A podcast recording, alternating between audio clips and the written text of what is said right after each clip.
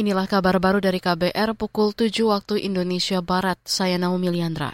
Pemerintah tengah menyiapkan payung hukum untuk menindaklanjuti rekomendasi Tim Penyelesaian Non-Yudisial Pelanggaran HAM Berat Masa Lalu atau Tim PPHAM. Ini menyusul pengakuan dan penyesalan resmi negara yang disampaikan Presiden Joko Widodo atas terjadinya peristiwa 12 pelanggaran berat HAM masa lalu.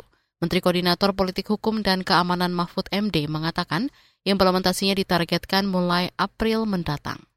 Mungkin nanti semacam apa ya, pendurinya, kick off-nya gitu, mungkin dalam waktu dekat ini akan membangun monumen HAM, kemudian kita juga akan ke luar negeri untuk memanggil eksil-eksil itu, mengumumkan bahwa hak Anda sudah sama dengan warga Anda. Kalau mau pulang, pulanglah gitu, hak-hak Anda akan dikembalikan gitu. Iya, kepres dan impresnya dalam waktu dekat ini. Tetapi jelas kita mentargetkan bulan April itu sudah jalan mulai gitu ya. Itu tadi Menko Polhukam Mahfud MD saat berbincang dengan sejumlah aktivis dan tokoh masyarakat di kantornya kemarin. Saudara, sebanyak 12 pelanggaran HAM berat masa lalu yang diakui negara di antaranya peristiwa 1965, penembakan misterius Talang Sari, penghilangan paksa 9798, kerusuhan Mei 98, Trisakti, dan Semanggi, pembunuhan dukun santet Simpang KKA Aceh, Wasior dan Wamena Papua, serta Jambu Kepok Aceh. Pendidikan karakter pada guru bakal diperkuat untuk mencegah tindak kekerasan seksual terhadap anak di sekolah. Hal itu disampaikan Inspektur Jenderal Kementerian Pendidikan, Kebudayaan, Riset, dan Teknologi Katarina Girsang.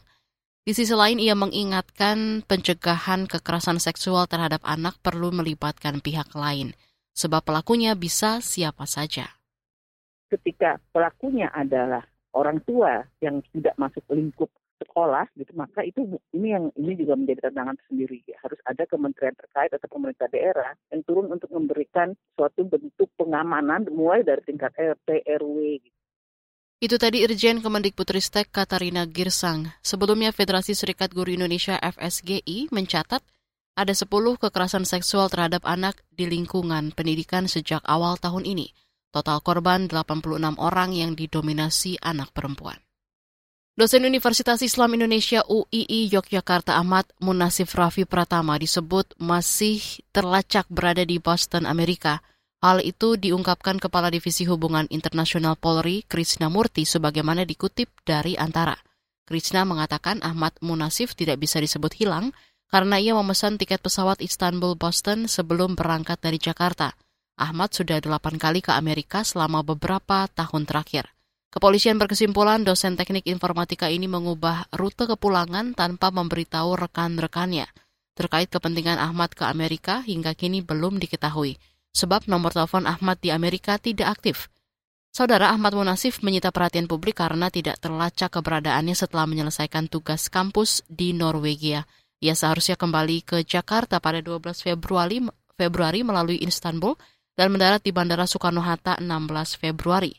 Namun Ahmad dilaporkan hilang kontak setelah berkomunikasi terakhir dengan istrinya pada hari Minggu kemarin.